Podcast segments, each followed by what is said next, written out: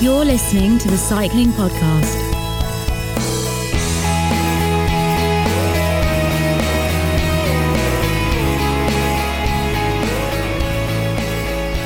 Where are we, Orla? We're in Alicante, Richard, at the Jumbo Visma Team Hotel for the pro men, pro women for the first time in the development team.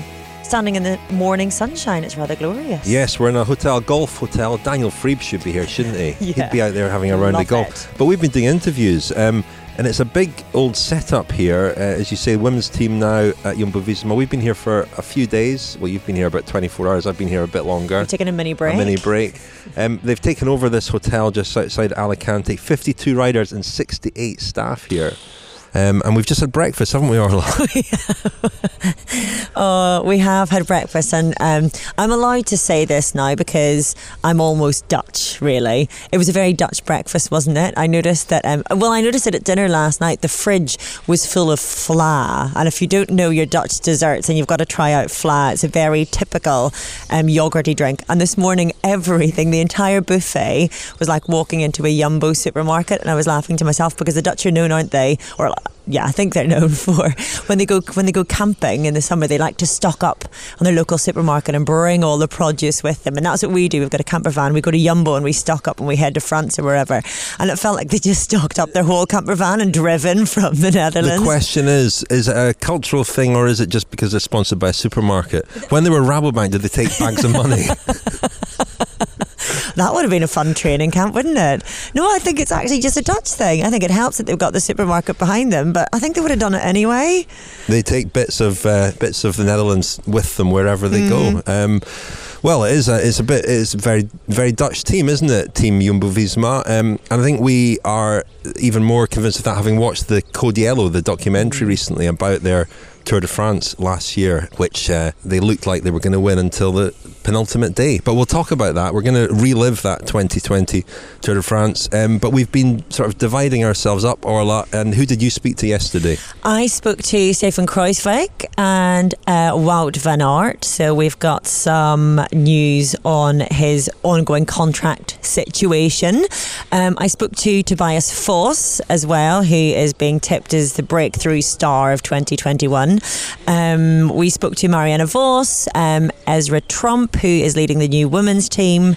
Gosh, there's a whole list. I'm sure I'm leaving people We out. did. We did a lot of interviews. I spoke to Tom Dumoulin, heard about his classics campaign in 2021. We're going to be, well, we spoke together to Primoz Roglic, who's not here. But yeah, how, how are you, Primoz, and where are you? in Monaco. It's all fine, but uh, yeah, obviously you can see that uh, I'm I'm not there with the team because uh, there were some yeah COVID cases detected uh, around uh, my own here uh, environment. So yeah, I feel fine, but uh, that's why uh, yes, I I still uh, uh, I think I, I won't be able to to make it uh, to to come to to this training camp. Disappointed to miss the camp. Yes, of course. Uh, it's just uh, to to miss uh, missing everyone. Uh, actually, to see the new group, uh, the new guys. I heard this really really big group uh, of people there. Also, maybe missing some degrees because I also heard it's almost 20 degrees or something. Uh, okay, to really show my my uh, hairy legs, legs uh, a little out on the sun. Have you been able to get out for a ride, or are you stuck inside quarantining? Uh, uh, no, no, I'm I'm uh, I'm training, but uh, yes, uh, I'm just uh, still not allowed uh, to to travel. We'll be hearing about his plans for 2021 and his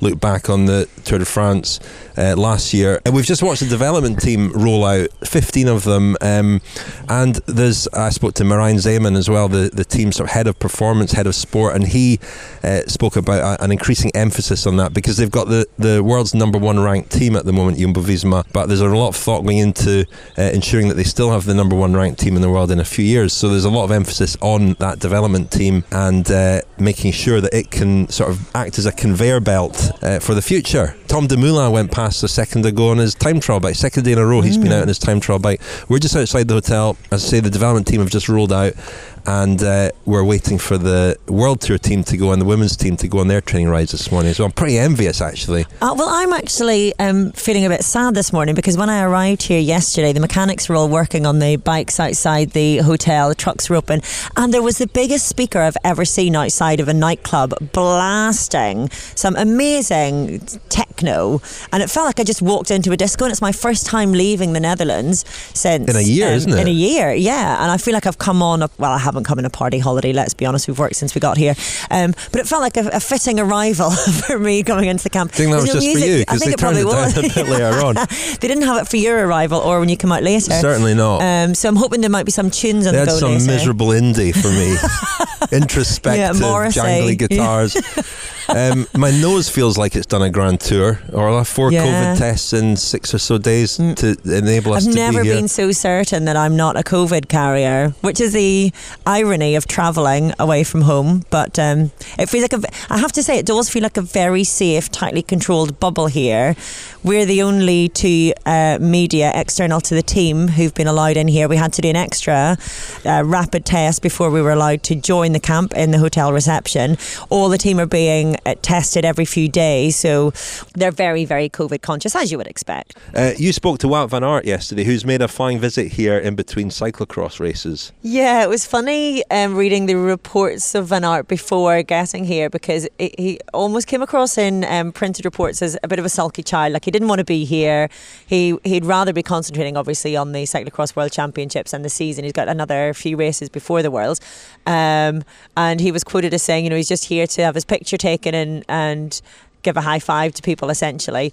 Um, but he was in really sparky form. He seemed to be uh, wanting to be here at least. That might have had something to do with um, contract conversations, which we understood were concluded just the night before I spoke to him. Um, but I said this earlier about the team, and I think what maybe sort of encapsulates this at least as much as anybody, if not more so, the fact that they've had such success, which brings confidence and which brings um, a certain level of self belief, but that there isn't that swagger. And I feel like with we were chatting about Van Aert yesterday after I spoke to him and. You used the word swagger with him. I think he he doesn't have or doesn't come across as having this level of arrogance that you might expect from someone who's had the season that he's just had. He seems to be just buzzing off it, doesn't he? He doesn't. Um, uh, I don't know. He, he just seems to enjoy it. Like whenever I said to him certain things, like, "Oh, I think you won a lot of fans last season," and he was genuinely, "Oh, thank you." Like, like it was my gift to give to him that he'd won fans. Well, that's your doing, you know. Um, but yeah, he seems to have retained a bit of humility, which I think is quite remarkable after the season he's had. But um, we had a lot to talk about, not least, of course, those contract extensions. I think uh, I can finally speak out and uh, will renew my contract for another three years with this team. So uh, up to 2024. It's actually a big relief to uh, to finally have it done and uh, announce it. So really happy. What was the deciding factor? What were the reasons that you made you decide to stay with Jumbo Visma? Actually, it was quite easy for me to, to, to stay because yeah, I feel super good in this team and uh, I think the last seasons were uh, a proof that it, this um, this team works for me. Uh, I became a better rider, obviously, and um, yeah, always in the right shape at the right moment. So actually, I wanted to uh, to resign, but yeah, of course, it's also a financial part, and uh, this took took some time. But uh, in the end, we we came together, and uh, it's uh, now beginning 21, so four more years. So there were a lot of rumours linking you with Ineos in particular. Can you tell us about any conversations you might have had with them? Uh, I, I did not have a personal conversation actually. Of course, I don't have to explain you that there was some interest of other teams, but uh, like I said, my, my goal was always to renew my contract, and uh, yeah, I can can speak my own language here. Um, it's uh, the best team in the world. Uh, we became the best team in the world, I, I guess, and um, yeah, for me, like like I said, I, I had my best results the, the previous season, so I hope to uh, yeah to go on uh, to go with the flow that we have now and uh, it was for me the best thing to do to uh, to stay in this team and um, I'm used to everyone now so really happy been not a nice year and a year to forget but for me it was definitely not um, I came back from my injury and was better than than before so it's all sometimes hard to realize that uh, that I won such uh, such a nice races and it's a huge step forward in my uh, in my career. To the Tour de France stage win is, is never ordinary, so uh, it's uh, yeah uh, each of them I have three already now with the TT. T and the team time trial in Brussels is actually four, so uh, it's yeah just incredible and especially this season we, we went for uh, for yellow with Primoz and uh, all our energy w- was going to that. So it's it's a bit shameful to say, but it was just a, a bonus to win the, to win the stages. It was not really focused on it, and then it was just yeah the surprise was even bigger and yeah, really, really cool that I could take this these two opportunities to talk about the green jersey. Was yeah, especially in Belgian media, it's already going on for quite a while. So yeah, we, we stick to our own plan, and it will definitely be a goal in the future. But um, yeah, last last season it was it was not yet a goal, and we, we were really focused on what we want to achieve as a team. Uh, everyone know how it turned out, fortunately for us, but um, there were no regrets. I think we we did um, the best we could, and um, hunting the, the, the, green jersey will be something for the future. From the outside, we take an awful lot of enjoyment from your rivalry with Mathieu. how much do you concentrate on each other?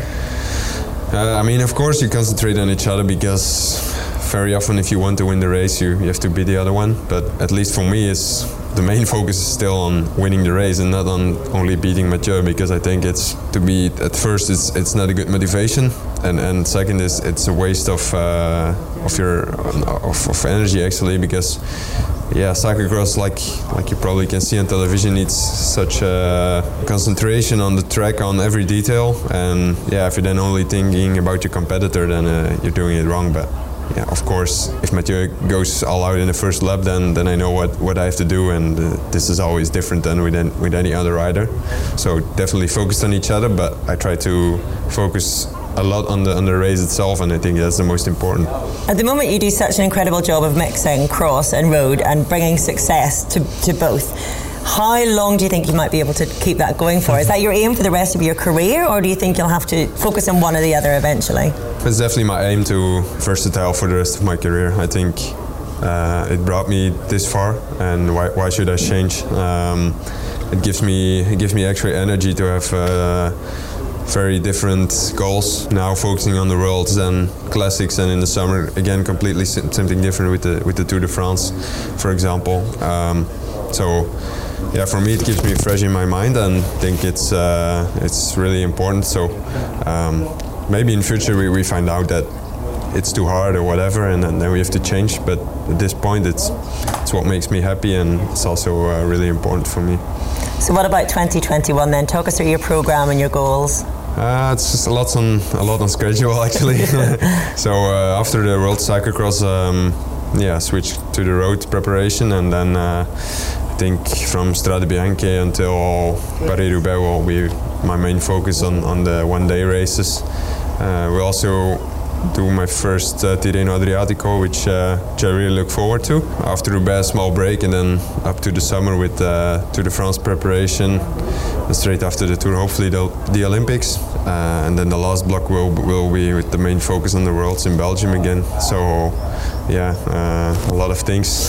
yeah, just taking it easy for 2021. Yeah. yeah, it's for me. It's like uh, just normal season.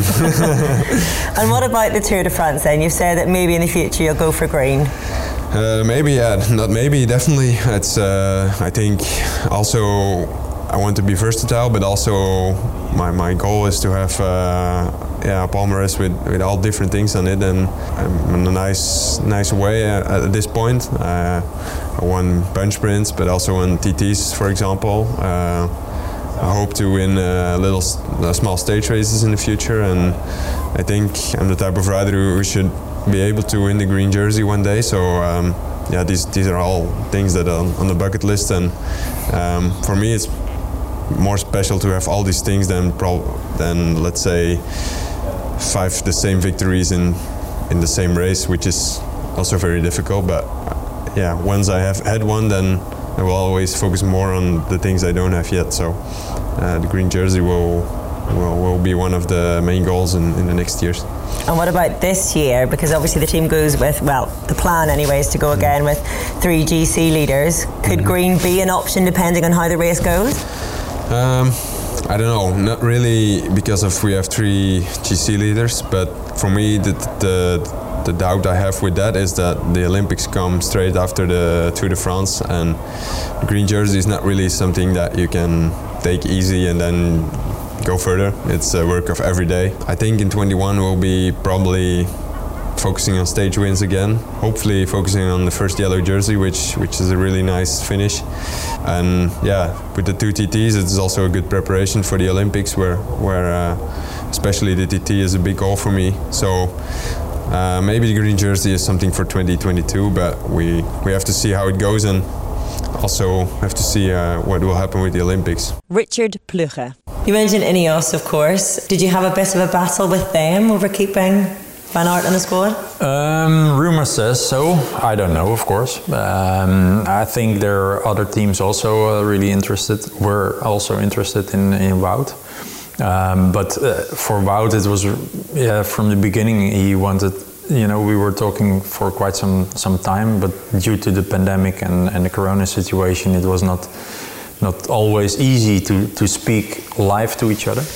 Um, but from the beginning, he said, uh, you know, the way we are working, we uh, uh, improve. He improved himself, of course, but we helped him a lot with that, and he is really comfortable with the way we are working now with him, and uh, so he wanted to stay. So there was, yeah, there was really fast already, kind of understanding of yes, I want to stay, uh, and yes, we want you to stay.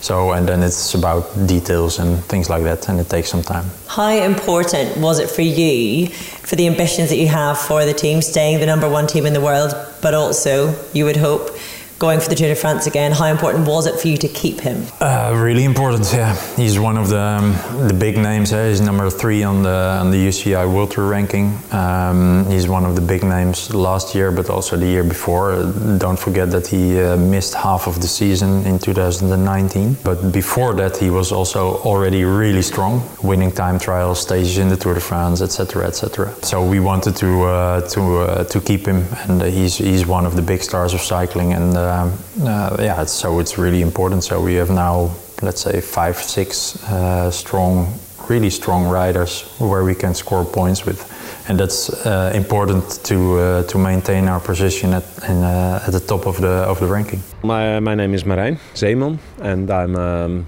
sportive director of, uh, of this team. I mean, he made a big, big, big step in 2020. That's also like short of memory. In the winter of 2019-20, Wout couldn't even train. So he was starting to learn to walk actually. And then the first moments he was on the bike, and then step by step by step. And and uh, after the Corona period, where he had really a, a big um, yeah period of, of good training and developing, suddenly he was really like world class on, on the classics. But then that doesn't mean that the team around you is have the same progression as you have. So we have work to do um, in in the team around Wout in the, in the spring classics, and that's actually what we, what we are doing now. So I think we, we have talented guys like like Van Hooydonck, but yeah, uh, together with Mike Teunissen, which we believe he can be really vital for, for Wout in the finals in the classics. Well, while you were speaking to Wout van Aert, Orla, I was speaking to Tom Dumoulin, who came back last year uh, from a very disappointing 2019 where he, he really missed a year's racing uh, with injury and so on. And then at the start of last year, he had another setback with uh, parasite. Um, in his system, which was cleared up, and he was able to ride the Tour de France in the end. Um, he finished seventh overall, you know, which not not bad as he said, but um, well below his best. And uh, uh, looking forward to a much better year in 2021. And he is going to help Wout van Aert in the classics. Um, quite a surprise for some people, but actually, first time I ever became aware of Tom Dumoulin was in the Eneco Tour years and years ago, um, which uses a lot of the same roads as the, the cobbled classics. And he, as he says, he, he loves those roads. So um, he's going to be lining up in all of the, the, the classics bar uh, Paris Roubaix. Um, and here's what he had to say about that. I'm doing uh, the Italian races, so Strade, Tirreno, Milan Sanremo, and then E3 and uh, Ronde van Vlaanderen. I always said um, a couple of years ago also, but also last year I mentioned to Marijn Zeeman, like uh, ah, one day I want to do the Cobble Classics. Uh, that would be really nice. I always loved uh, riding the cobbles, and uh, also if there's like a Roubaix stage in the tour, I'm always I'm always excited about it. I think one of the only GC riders who's actually excited and not afraid. So uh, I mentioned that about a year ago, and uh, I think Marijn always kept it in his mind. And then he asked me at the end of the year, like, what would you think about doing uh, instead of the Ardennes Classics? What would you think about doing the Cobble Classics? Uh, I said, yeah, I'm disappointed to, to miss out on the Ardennes Classics, but I'm also getting really excited of doing, for example, Ronde van Vlaanderen pretty far. Obviously, the, the team is being uh, built around Wout van Aert to some extent, but what, what do you see your role as being in the team?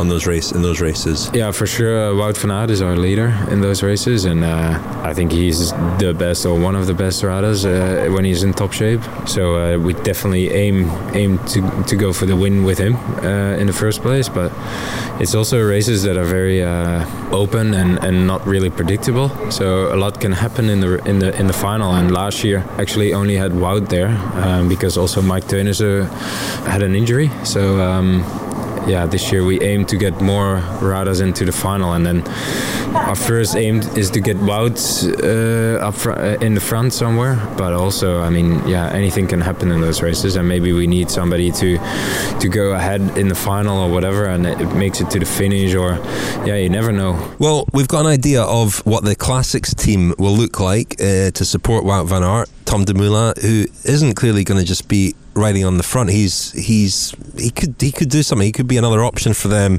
in some of those races. Tour of Flanders, maybe. Who knows? Um, but we also know a bit more now about the Grand Tour lineups for Jumbo Visma. Famously, last year, of course, they announced their uh, Tour de France team in December it, it, then was quite different when it came to the Tour de France. But you know, it was a real statement of intent that, and they have already selected their team for the Tour de France, which is unusual. We don't get that uh, from many teams, do we? No, it's it's become usual for Jumbo Visma now, of course, but other teams just don't do it. I really like it because it's also a little bit of wishful thinking, isn't it? Because we saw, especially last year, you can plan all you like for whoever's going to be at the tour, but um, injury and COVID will inevitably get in the way. But I like having that that to plan for, and I like that that they're setting out their stall early. I think the riders really enjoy having that focus early on and the certainty of that's what they're aiming for at least. Um, and it gives us all sitting here in you know what's a fairly bleak start to the year so far, something to really look forward to. That team for the Tour de France is really exciting. I haven't said it yet, or we don't know what it is yet. Well, that's I'm, my about. I'm about. I'm about. so George George Bennett is going to lead the team at the Giro d'Italia. Um, he went to Tour last year, although the original plan had been for him to lead the team at the Giro d'Italia. And at the Tour de France, the team will be Primoz Roglic, Tom Dumoulin, Steven Kruijswijk, Wout van Aert, Robert Gesink, Tony Martin, Sepp Kuss, and Mike Teunissen. I mean, if you're another team looking at that lineup, you know, you got to be quaking in your boots a little bit. That is so strong. Watch your face mask doesn't blow away there, no, Orla. I just noticed it flapping in the breeze. Um, then going to the Vuelta will be Steven Kruijswijk and uh, Sepp Kuss again.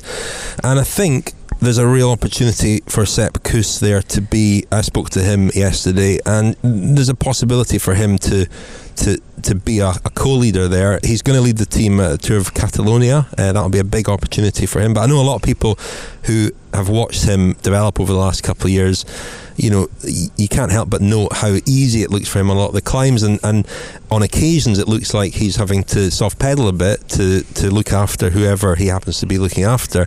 Now it's one, it, it, you know, there's still a, a, big step for him to go to assume team leadership in a Grand Tour, but uh, Catalonia is definitely a, a, big opportunity for him, and um, we'll see how he we'll see how he gets on there. But an opportunity for him at the at the Vuelta as well. Um, shall we hear a little bit about the plans for 2021, especially the Tour de France, because um, that is, I suppose, unfinished business now. Um, they went so close last year. Um, how will they get on with the the Trident? You know, the the, the three leaders. Um, in all in good form uh, because last year Dumoulin wasn't quite at his best.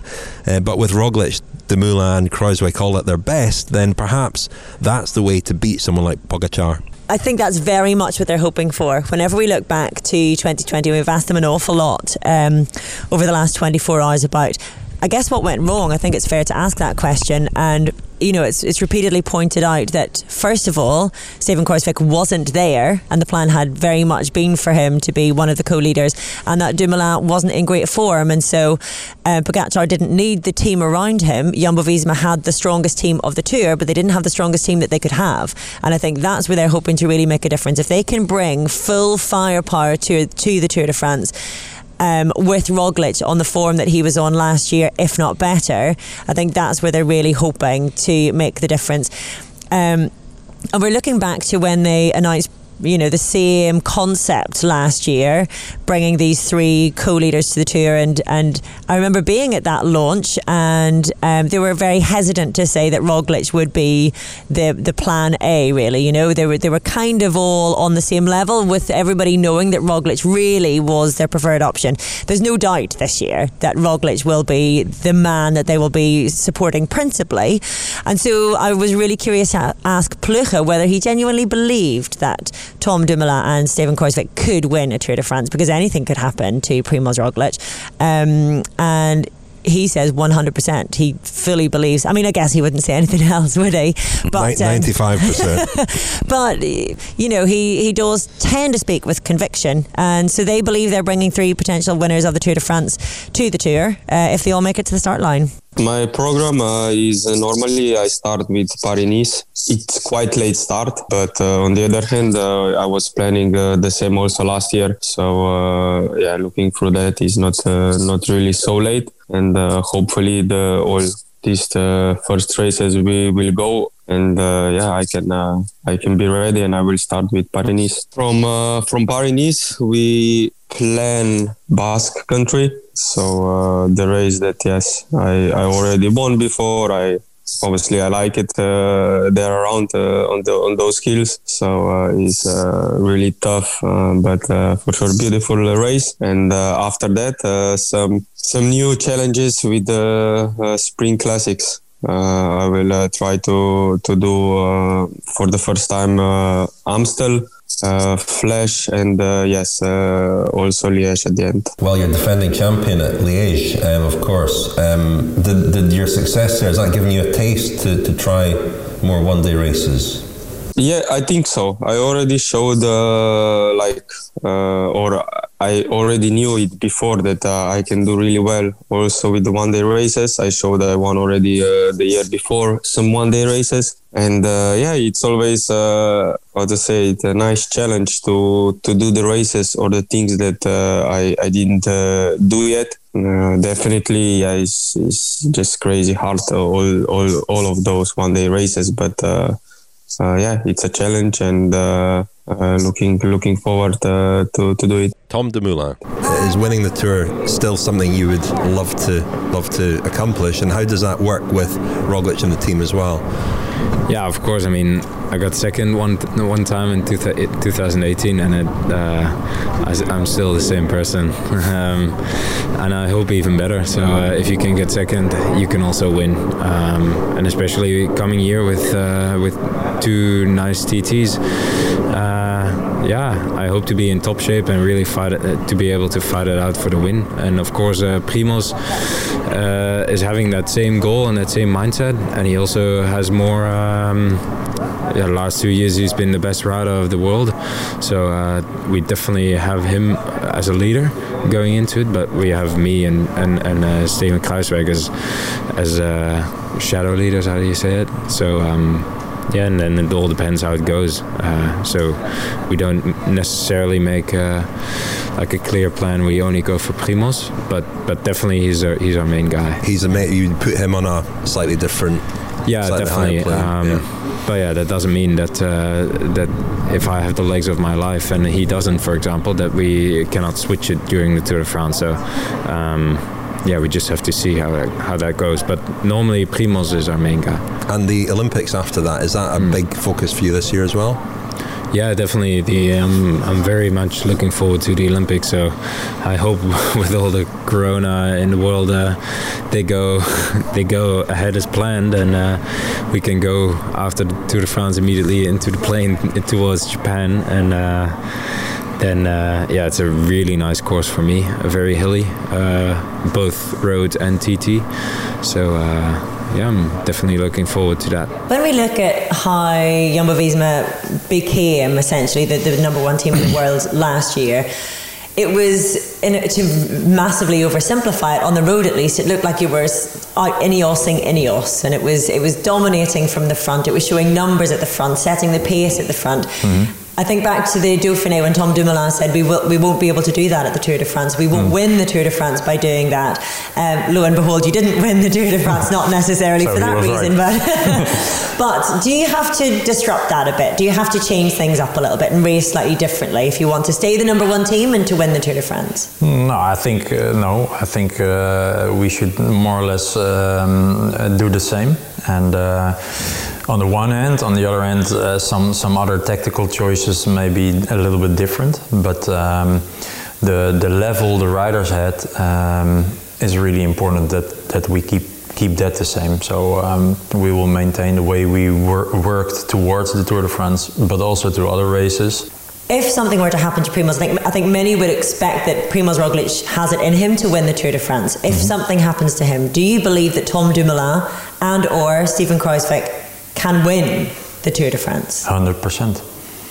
100%. And uh, I believe, you know, um, like um, 2019, Bernal won the won the um, the Tour de France, and I believe that it's uh, it was thanks to this landslide, because otherwise we would have uh, chased him down in the in the valley uh, with uh, Laurens de Plus, and um, and then uh, Steven would have attacked with Geraint Thomas in his wheel, and Geraint Thomas would have won uh, the Tour de France. That that's what would have happened, in my opinion, and that's also where, um, especially Steven, has a big chance um, in our team to win the Tour de France, and he is strong enough to do that, and he can uh, he can attack and uh, can be the surprise.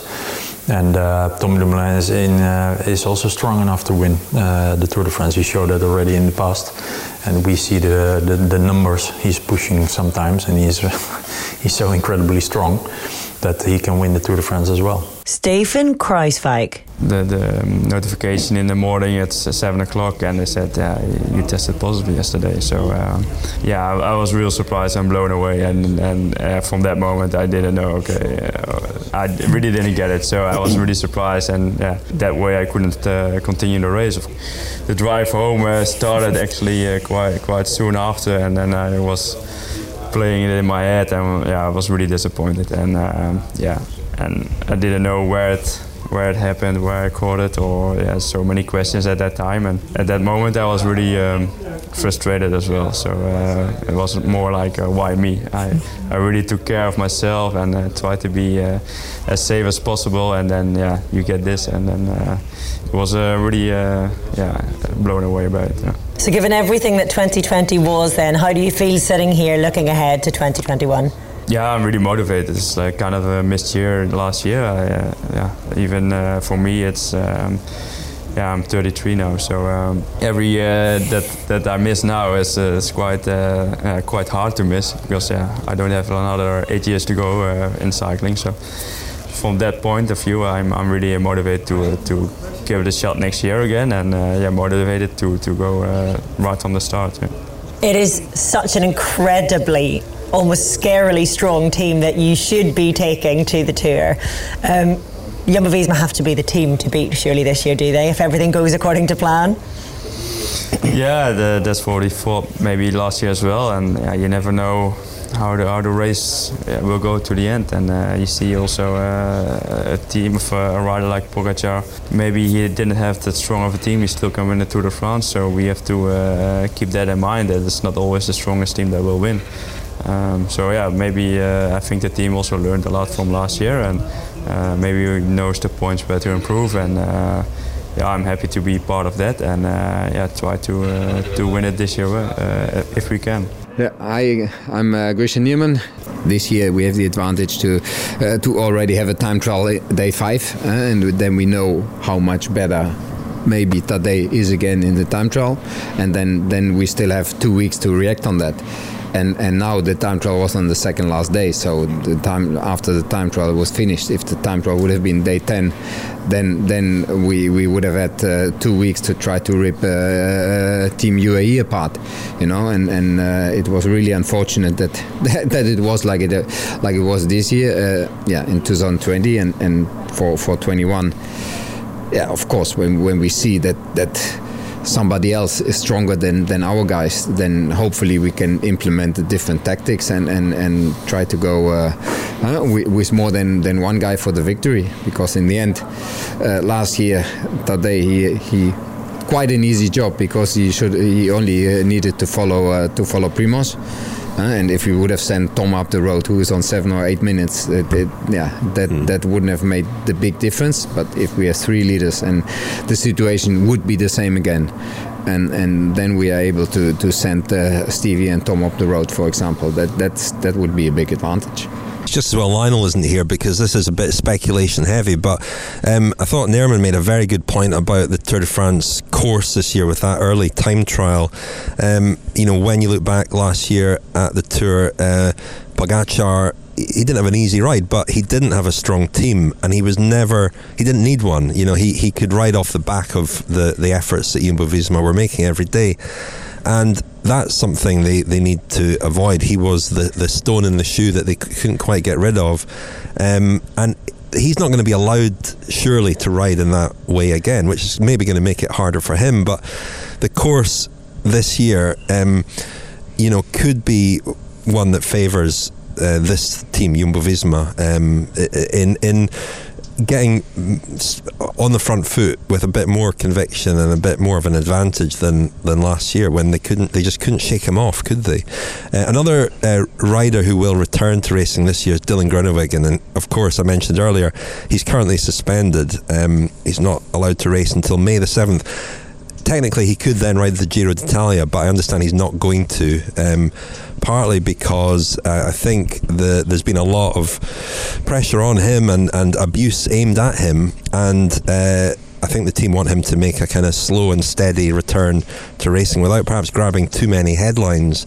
Um, and uh, it'll be hard. It'll be hard for him. And Fabio Jakobsen uh, uh, has said, has acknowledged that he, he will return to racing before Dylan Groenewegen. He's making a recovery. He's at the Deceuninck Quick Step training camp at the moment.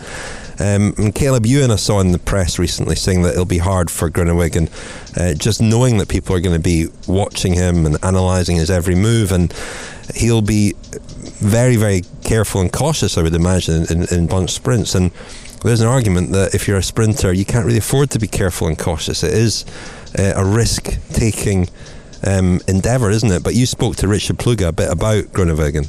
Yeah, it's that mentality I think that's going to be intriguing, really, because you've got to be all or nothing to win a sprint, and um, he knows the, the worst consequences of the nothing. You know, he's been involved in that now.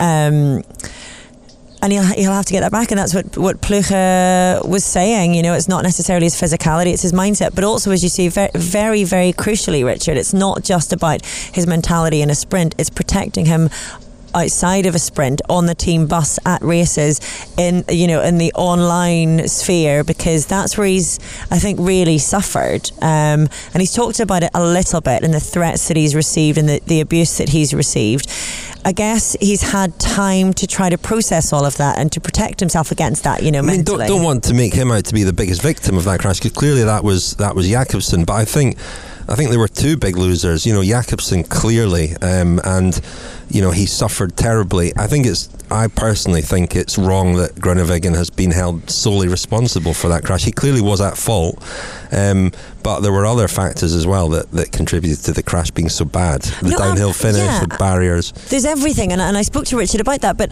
but I don't think anyone's trying to say that Groenewegen is the is the biggest victim in any of this at all. But you cannot ignore you can't ignore that he has been a victim in it, and he's been he's been he, the fact that the Tour of Poland still have not been penalised means he has been left out to dry. He has. He's been he's been held solely responsible for it and and our sympathy and our empathy and our compassion for Fabio Jakobsen is not dimmed in any way by also feeling sympathy and compassion and empathy for Dylan Groenewegen because uh, he didn't do anything that was exceptional in sprinting. It was the consequences that were exceptional. Um, and I think a lot of sprinters would look at that and think, "There, but for the grace of God, go I." Um, but that, but that's the element I think he's going to have to be protected against. But the team are really aware of that. That's what I want to say. That um, not least because Plugge has had his own threats because of all of this. They've all been through a bit of a storm through it, and they'll know what to expect. Um, and and I think it it might end up because of that being maybe not as bad as they fear, and it might be an easier return to sprinting and to racing than than the objective fan might fear, and certainly the team might fear. Um, but it's going to be a big, big step, and everyone's going to be watching. You know, and all going to be watching as to um, how it turns out. But here is Richard Plugge talking about Dylan Groenewegen and his punishment and his um, upcoming return to racing. He is okay. Um, uh, he is, of course, uh, worried about uh, about Fabio if he is going to uh, to race at the same level again. Um, he's indeed not here because of his son. Uh, it's born last week somewhere, um, but he's okay and he's he's ready for the fight and and he understands that he has a, a long way to go. Uh, before he gets back at the level, um, not maybe sportive level, but uh, you know, in the image, in, in how uh, people perceive him, uh, the public, but also his, his uh, colleagues in the peloton. So um, he understands that, and he takes his, his time for that, and he yeah he understands that he needs to take uh, time for that. I have a lot of contact with him, Marijn. yeah, we, we he lives nearby me, so I can jump by if I want. And um, yeah, it's good to, to be there for him because he also had a really hard time. Do you feel that Dylan's penalty was too harsh? Uh, it depends. Um, if uh, Poland, the, the Tour of Poland, is um, punished as well, which would be appropriate to my opinion, um, yeah, then then it's uh, okay for me. It was also um, uh, a negotiation, more or less. Um, and I, I, yeah, it, it is, by the way, between Dylan and the UCI to to um, to come to an agreement. And Dylan wanted to have a, um, a spot on the horizon to to move forward um, um, and and know where to start again. Um, so I can live with that one, but uh, there's not, you know, the consequences of the crash is is not uh, is not for Dylan. It's it's uh, it's for for uh, a lot of yeah, circumstances around it. And I think there's a there's a big um, task for the UCI to um, to work on that, and we work together on that. I brought um, everybody together uh, the day before or two days before the, the Tour de France. I asked uh, Lappartient, together with Lefevere, by the way, um, uh, Lappartient, Jan Lemonnier uh, of the Tour de France, uh, etc., some teams, uh, Ineos, uh, there, and we spoke about safety. And, and then all this uh, meeting started to, to improve safety. Um, and I think that's really important that that will be better 2021 starting and, and getting better even uh, in, the, in the future because uh, there are so many sports like um, Formula One, MotoGP, etc., that are really dangerous sports. Skiing, alpine skiing, uh, which uh, where you can crash without getting hurt, and I think that's that's a big lesson, lesson for for cycling. We our riders should have the ability to crash without getting uh, that much hurt as as uh, Fabio was, and that has everything to do with the fences. Yeah, again, I think in this small world, we uh, cycling world, we we really should take care of what we say uh, in public about things and think as a leader of an organization maybe 10 seconds longer before you uh, put something out to the world.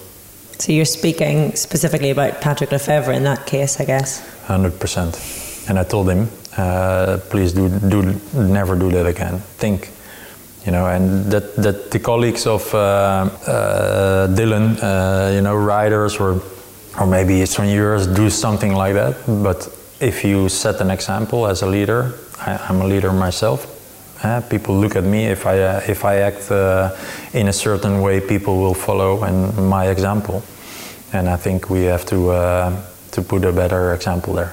And um, we called that night, Patrick and myself, and we spoke about that. So it's it's solved, but it's more an, a general um, message, you know, that, that it's really important to keep calm and, and do the right, uh, say the right things, and maybe wait, yeah, like I said, ten seconds longer. So you also received death threats, did you? Uh, threats, yeah.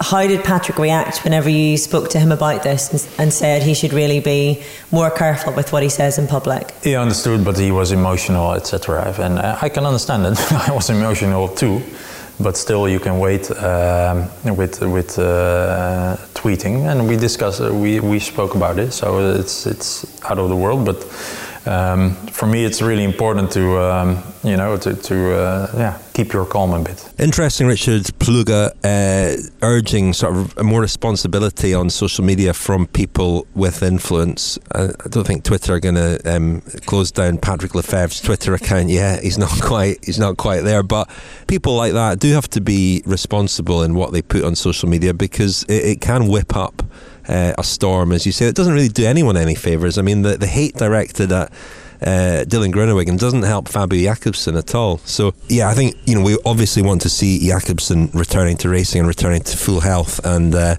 the signs look fairly encouraging. I saw him on the, the video call with Deceuninck Quickstep last week, and it was it was great to see him back in training. Uh, and uh, good luck to him. Um, the other big news here, of course, is the women's team, uh, and it's partly why they have taken over this huge hotel. There's a big uh, uh, contingent of, of Jumbo Visma people here, staff and riders, and uh, most of the women's team are here. There are a couple of riders missing, but Marianne Vos is here. She's the star signing. Like Wout van Aert, they were on the same flight, in fact, on Saturday night, uh, which was delayed. Um, but they're making a, a flying visit here in between cyclocross races, both competing in the World Championships in just over a week's time.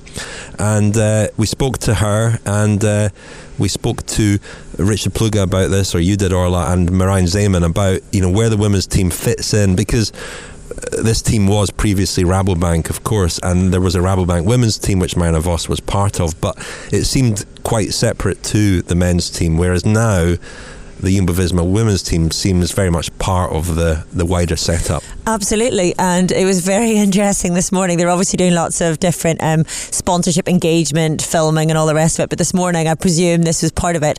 Um, the women were sitting at their breakfast table. We're only allowed four to a table because of um, distancing measures. Um, but Marianne Vos was served coffee by Wout van Aert this morning, who came over with a tray full of coffee.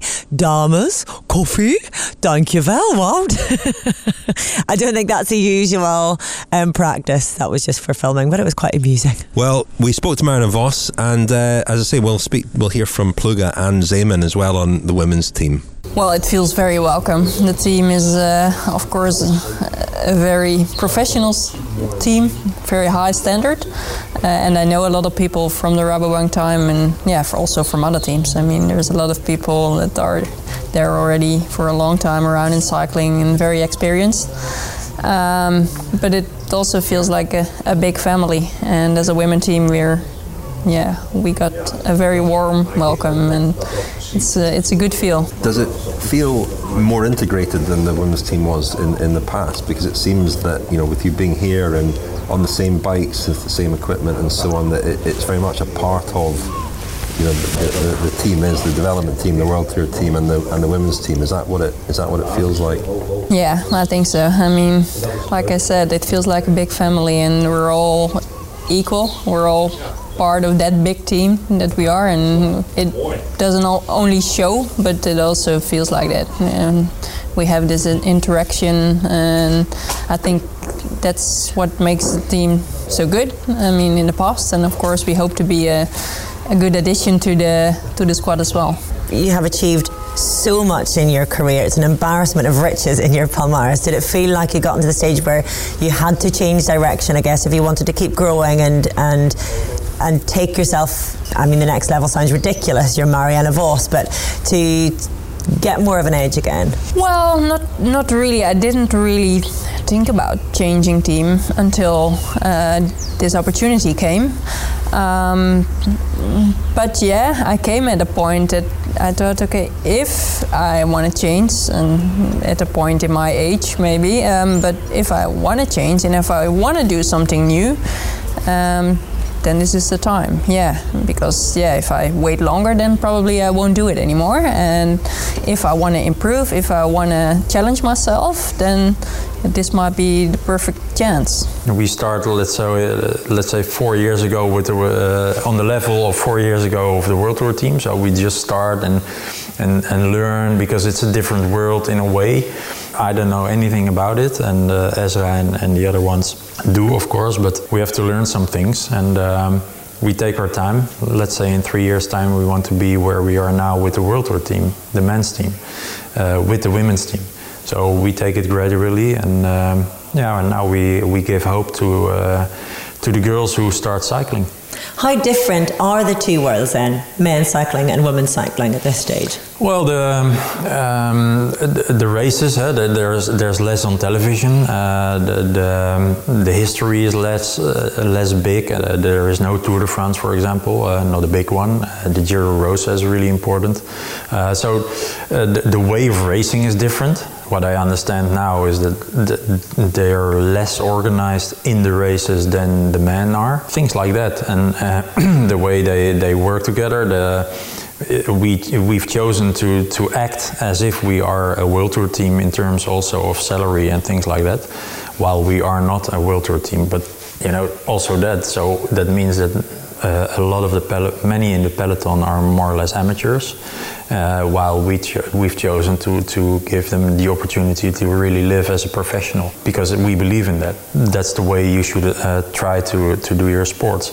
Well, these are big different uh, big differences because then in the peloton there are big differences between the top and, and the lower part, you know, uh, of it because you are pro against uh, amateurs more or less. People talk about men's teams to bring on women's teams in the sense that they believe the women's teams can learn a lot from how the men do it. Do you think we'll get to a stage where the men will be looking to the women as to how they do it? As already. you say, they race completely differently for a start. No, but already the way um, you know we bring in new people. That's that's one and everybody brings in some something in, in terms of knowledge. Uh, we bring a trainer for the for the women's team. Marike is there, uh, Marco is there, Esra is there, and they, they come in with their uh, experience from their own and how does things work in training, in nutrition, etc. for women, but also in general, also for men. So uh, we learned already a lot of things, and especially uh, Mathieu and Marijn, uh, our uh, director and performance manager, learned things because they ask uh, us things or they tell us things how, the, how it works in, in women's cycling. So there's always a lot of sharing of knowledge um, uh, going on if you bring in uh, such talented people. My, my name is Marijn Zeeman and I'm um, sportive director of, uh, of this team. Why women's team? What what was the reason? Was there a catalyst for that, or or was it was it come from the sponsors, yeah, or was well, it a feeling that women's cycling is, is developing? I think in general, like of course we are we are from Holland, and speed skating is a is a big sport. A lot of people that watch speed skating, and when I look personally to, to speed skating, and when I support the Dutch riders, for me, like I feel the same support for the Dutch women uh, compared to the Dutch men. That it's a completely equal sport, and uh, in, in in cycling, uh, it's it's improving. It's I mean a lot of teams they already had a um, pro teams they had already a, a, women's program, and that's also like I think that is a very nice challenge that we believe in um, in, in, in, equality. I don't know is that a good English word, but uh, women and, and men um, we we want to support them as as good as possible um, as the men, and of course you need the, you need the budget and you need um, uh, the people who support that, but in general that's also what we want to achieve, and um, yeah that I think that's also a, a very good sign towards the, the world that we are working like that. It was interesting to speak to Esra Tromp about um, not just obviously the new women's team, but the fact that there's so much that's new in the women's peloton this year. If you look at the likes of Annemiek van Vleuten, who's gone to Movistar, Ashleigh Moolman Pasio has changed teams, former teammate, of course, of Marianne. I've also got Chloe Dygert coming over, um, and and SD Worx now, which is, of course, Boels Dolmans from before, but will that bring any change? We've got new um, signings there. Um, and she seemed to think that, um, yeah, we can expect the unexpected in the early season that it, it will take a bit of time for the new riders and the new teams and the new setups to, to bed in. So it could be a really exciting start to 2021 for women's cycling. But we do have uh, much more on the women's Jumbo Visma team in our regular episode of the Cycling Podcast Femina. Which is coming out in a couple of weeks. Esra Tromp is the general manager. She's moved over from Park Hotel Valkenburg. And I was no, interested to note that they've got Park Hotel Valkenburg on their on the sides of their jerseys here, the women's team, which is the one difference with the men's team. Um, but yeah, she's the manager, and we'll hear from a couple more of the riders um, in the next episode of the cycling podcast Femina. Just on the Park Hotel Valkenburg, I was surprised about that earlier when you pointed it out, and then I remembered whenever there was all this speculation about Boels Dolmans needing a new sponsor, and there had been a lot of rumor that it that it would seem inevitable that um, Jumbo Visma would take over. I remember hearing at that time that the reason they weren't going to is because they were going to merge with Park Hotel Valkenburg. Um, so they didn't really make much of a big deal out of that, but that's But they haven't because Park Hotel Valkenburg still uh, exists as a as a team. But there's some a, sort of a connection, Yeah, yeah, yeah. They're not world tour, women's world tour yet, um, but they they Paying like it. Apparently. yeah apparently, and they anticipate. Um, being women's world tour, and also Zeeman told us, you know, that he wants them to be like the men's team, the best team in the world. Of course, he does.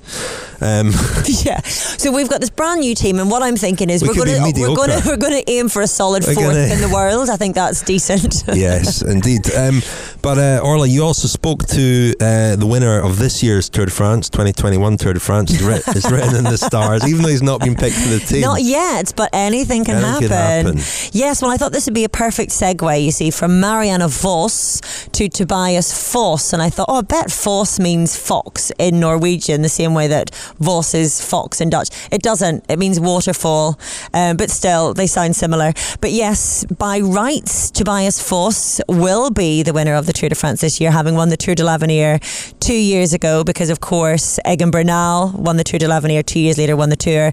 Same trajectory for Tadej Pogacar. Um, there is a slight inconvenience of not being on the Tour de France team, uh, so it would be quite an achievement if he were to manage that. But you never know, stranger things have happened. But he is being tipped for big things. Um, he's being tipped to come of age this year, I guess. So I wanted to chat to him and, and get to know him a little bit better. Um, so here is Tobias Foss. For all the disruption of 2020, it was quite a good year for you, really, wasn't it? When you look at the fifth place in the opening time trial at the Giro, fifth at the Tour of Hungary, runner up in the national time trial championships. Fairly solid year, really, wasn't it? Yeah, I felt uh, I made the best out of it. I started the year quite bad with the collarbone, uh, the collarbone bro- broke in the first race. Uh, but I was also quite lucky that um, there was only like one race I missed because of it. So and the corona. So I got a nice time to, to build up and, and trained well. So then I uh, got a really nice end to the season. So that was good, uh, a good confirmation, and uh, yeah, I'm, I'm quite happy with that. huge things are predicted for you, and especially this year. If you look at two years on from the last two Tour de l'Avenir winners, of course, two years after they won, they've won the Tour de France. We're looking at Egan Bernal and Tadej Pogacar, of course. Um, does that bring any extra pressure for you heading into 2021? Not necessarily with winning the Tour de France, No, but no. certainly with with the weight of expectation that winning such a race brings. And you know, you've had your year now to get used to the World Tour. Yeah, I'm not even in uh, tour selection, so I think uh, winning the tour will be uh, a hard one. But uh, yeah, of, of course, it, it can bring uh, some pressure. But but for me, it's uh, I know those guys are a bit more special. They they won it when they were one and two years younger than me uh, when I won it. So I know I'm a different rider. Uh, I can't expe- ex- accept uh, the same thing as them, but uh, it for sure gives me uh, motivation, confirmation, and also um, yeah, believe that I can also do it. Of course, they are special guys, but uh, I also believe in one way that I can. I can do the same, just with a bit more time. You say you're a different rider. Is it too early to know what kind of a rider you think you're going to develop into? No, for me that has been actually quite clear the whole way. Uh, I always had ambition in, in the Grand Tours, and uh, I never did one properly yet. But that has only always been my dream, and I really believe uh, that's my strength to do uh, a Grand Tour. For those who maybe don't know very much about you yet, and I think you'll be hoping certainly they, they start to very soon, tell us how you got into cycling. How did you come about this life? Yeah, so, so being a Norwegian, uh, cycling is not like the first uh, thing you start to do. So I started with skiing and actually biathlon. and then uh, I had some mates in uh, in the ski and biathlon uh, cultural like teams that um, that uh, told me about uh, the local cycle club who lended out free uh, road cycles road bikes uh, and I always been super interested in, in the tour and, and watching and also riding a lot in, with a mountain bike with my dad so when I was uh, 13 years old uh, I got to borrow a bike and uh, and I went for some races with my father and yeah kept on going from there so started quite quite late but yeah for sure I had a quite active youth um, and ever since I really enjoyed the, the time on the road Did you enjoy biathlon? Were you any good at it? I was really crap at, uh, at, at the shooting, so they did not really good in, in biathlon. But uh, I had my moments when uh, when I first hit the target, and I was quite fast in uh, uh, with the skiing part. So uh, yeah, I had my good moments, but uh, they were mainly quite bad. But uh, I had a lot of fun, so that was the most important thing. It's a very different type of skiing, but are you prepared for the ski comparisons with your team leader? They're going to come, aren't they? Yeah, they are for sure. But uh, no, yeah, that's a totally different uh, skier. E- even though I know he's also a good uh, cross country skier, um, but yeah, I I think it's a, a perfect uh, activity activity to do. As, as a young person and also yeah, growing up in uh, in Norway and then also Slovenia, I guess. Then the winter is quite cold, so we have to make the best out, out of it and, and do what we can actually. Who would win then cross country skiing, you or Primoz? I, I would actually uh, put money on me. Uh, I think also being on a Norwegian, I, I should have that pressure. So uh, yeah. So Tobias Foss, another skier. Any other skiers on the Jumbo Visma team? Can't think of any. Not, none that are high profile anyway. No, but uh, no, I know Johannes seen- Staune-Mittet as well as a Yeah, Norwegian well, champion. I spoke to him. He he had his 19th birthday yesterday. He's on the development team. He is a yeah cross country skier. 20th birthday now. 19th. Oh. Uh, he's a cross country skier, a former Norwegian champion, and uh, interestingly, uh, still encouraged to keep going with the cross country skiing, uh, which I was interested in. We, we mentioned the development team. I mean, I spoke to the, the man in charge of the development team yesterday, and we will feature them in a, a future episode. But he's a big fan of uh, having young riders do as many things as possible for as long as possible and not specialising too soon. Um, which uh, we both talked about a book that we've read, Range by Mm, David Epstein, mm. which is all about this subject and kind of it's kind of counterintuitive because there has been a, a vogue for uh, specialisation in, in young athletes in particular in lots of different sports, but he prefers a, a range of things. And I guess with the way that cycling has been developing with younger and younger riders coming through Evenepoel and, and Pogacar, um, there's a lot of pressure and expectation on teenagers to be performing like that already. Um, but they are exceptions. And Ev- Evenepoel came to cycling pretty late, having been a, a very good footballer. So he almost proves the, the value in range. It makes psychological sense to me um, because you know to, to retain your excitement and your motivation has to come from well it can come from anything I guess but to remain motivated for something you have to be enjoying it. It has to make you happy in some way give you satisfaction and and to be able to do that it makes sense to, to keep your interest as diverse as possible and I say that within obviously a very strict limitation. They're not going off and playing you know high level ping pong or whatever I think ping pong would be all right. well, it would be, but you know, as in they're, they're not trying to be, you know, very good at lots of things, but just keeping it as diverse as, as is possible with being the best cyclist. Um, but I just think it makes sense, you know, to, to freshen things up. It's like with Primoz Roglic trying a, a bit of a different race calendar on the, on the way into the Tour de France this year. You get bored, and if you get bored, you get complacent, and, and you, you don't strive as hard. So um, it's it's a very sound model, I think. Or darts. Or darts, yeah, Uh, yeah. We spoke about darts yesterday with Marianne Vos, didn't we? Because Ned Boulting Mm-hmm. gave her a darts board. What's the story there? It was. Um, they were covering the women's tour together one year, and um, they were talking about um, Van Gerwen. You know the um, Dutch darts player. He's the number one, or has been the number one darts player. And so um, Ned I lost Boulting- interest in darts after the retirement of Jocky Wilson. right. Well, uh, Van Gerwen, I need to double check that is him, um, is a, an absolute legend in darts, and um, the Dutch are a bit mad for it. So Ned was asking Mariana if she'd ever played darts, and she hadn't. So he gifted her a darts board. And she still hasn't. And she still hasn't played it. Sorry, but Ned. she remembered all about the darts board and is still very grateful Oh, for she the remembered present. it. Great. Excellent. Well, Orla. She's not turning pro darts anytime soon. No, no, no threat. She's very spe- specialised Yeah, in her yeah, yeah. cycling. Although cyclocross, Hello, yeah, you know, exactly. a bit of everything. Um, anything else from our Jumbo Visma visit, Orla? I mean, it has been fascinating being here, especially having been on their camp a couple of years ago uh, when they were at the midpoint in their journey, I suppose, to where they are now. How do you find uh, the difference between then and now? And I'm thinking in, in scale as much as anything else because I've been blown away by the number of people here. Yeah, it's a number of people. I mean, you. Uh, we've always been struck by that at Team Sky, Mm, Team Ineos training camps. You go there, and there are just so many people, and um, I think in terms of budget, they are still lagging behind. Although there's a lot of uh, opacity, isn't there, when it comes to team Mm, budgets? mm. We're kind of guessing a little bit, but um, certainly they have very secure sponsorship. It seems, um, and you know they were a team that, that struggled along for many years with a, a small budget post Rabobank when perhaps the budget had been too big and they were paying riders too much and they've kind of um, under Richard Plugge's sort of direction um, clawed their way back and they seem to have a quite a different ethos. So they're still the very Dutch sort of uh, uh, they're a very Dutch team aren't they? And we, we see that in the in the buffet. Um, but they they they they're th- it- it's a different um, I'm trying to compare it to Team Sky, and where the big difference for me is that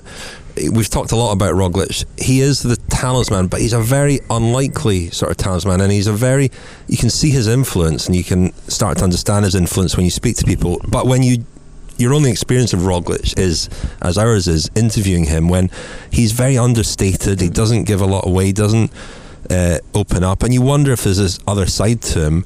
I'm not sure that there is, um, but what he does is his his influence is is very very powerful. I think in this very understated way, and it is all about what he does rather than what he says. He leads by example, and how- I think how he behaves. it, it compares to Froome at you know the height of Team Sky's winning ways because he was never someone to be shouting about his presence or um, laying down you know noisy demands, but he he just quietly got on with the job of being the best in the world, and I think that's what Roglic does. Yeah, and um, it's. I mean, Daniel made a a, a comment recently about uh, you know that that Roglic would still be sprinting for bonus seconds in a nuclear holocaust. You know, you, you do get the sense that absolutely nothing can knock him off his stride. And I mentioned it to Sepp Kuss yesterday how. Um, how powerful that is for riders who are riding with him to just to just be influenced by that and to sort of measure themselves against Roglic a lot of the time because uh, that that level of consistency, that lack of neediness, I think, um, is uh, you know, uh, I, I think. Pa- very powerful, and and you can feel it in this team that they are a team that really, you know, in fact, he's number one as well. Um, they they all kind of ride in his slipstream to some extent, and that's both very powerful but also very fragile. You know, and and we're seeing that now with Ineos Grenadiers, where they might have the biggest budget in the world, but if you don't have the best rider in the world, it's kind of meaningless. Um, not to say that Bernal and, and Carapaz are not potentially, you know, Tour de France winners, because both are. Um, but we're in a very interesting phase of the sport at the moment where we are in what we'd probably call a transitional era, where um, there's nobody who is uh, an obvious, clear favourite for the Tour de France this year. Um, and so, uh, you know, we, we heard on our podcast last week Ciro Scognamiglio talking about the big five teams who are set to dominate.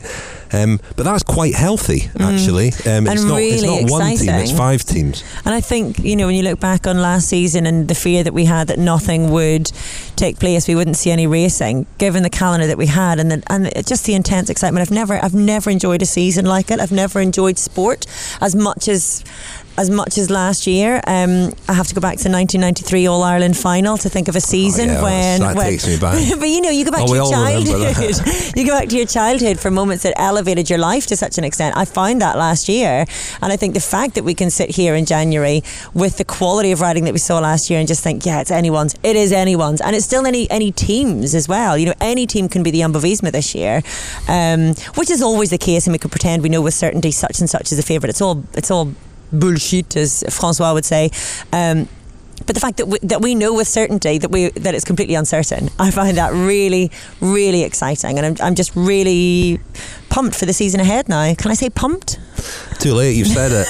You've said it. I think, I think it's one of her banned words, but Probably you're it's one of obviously influenced by the, uh, the the music pumping out the front of the hotel, which we got a I'm blast of. pumped, man. Well, that's great.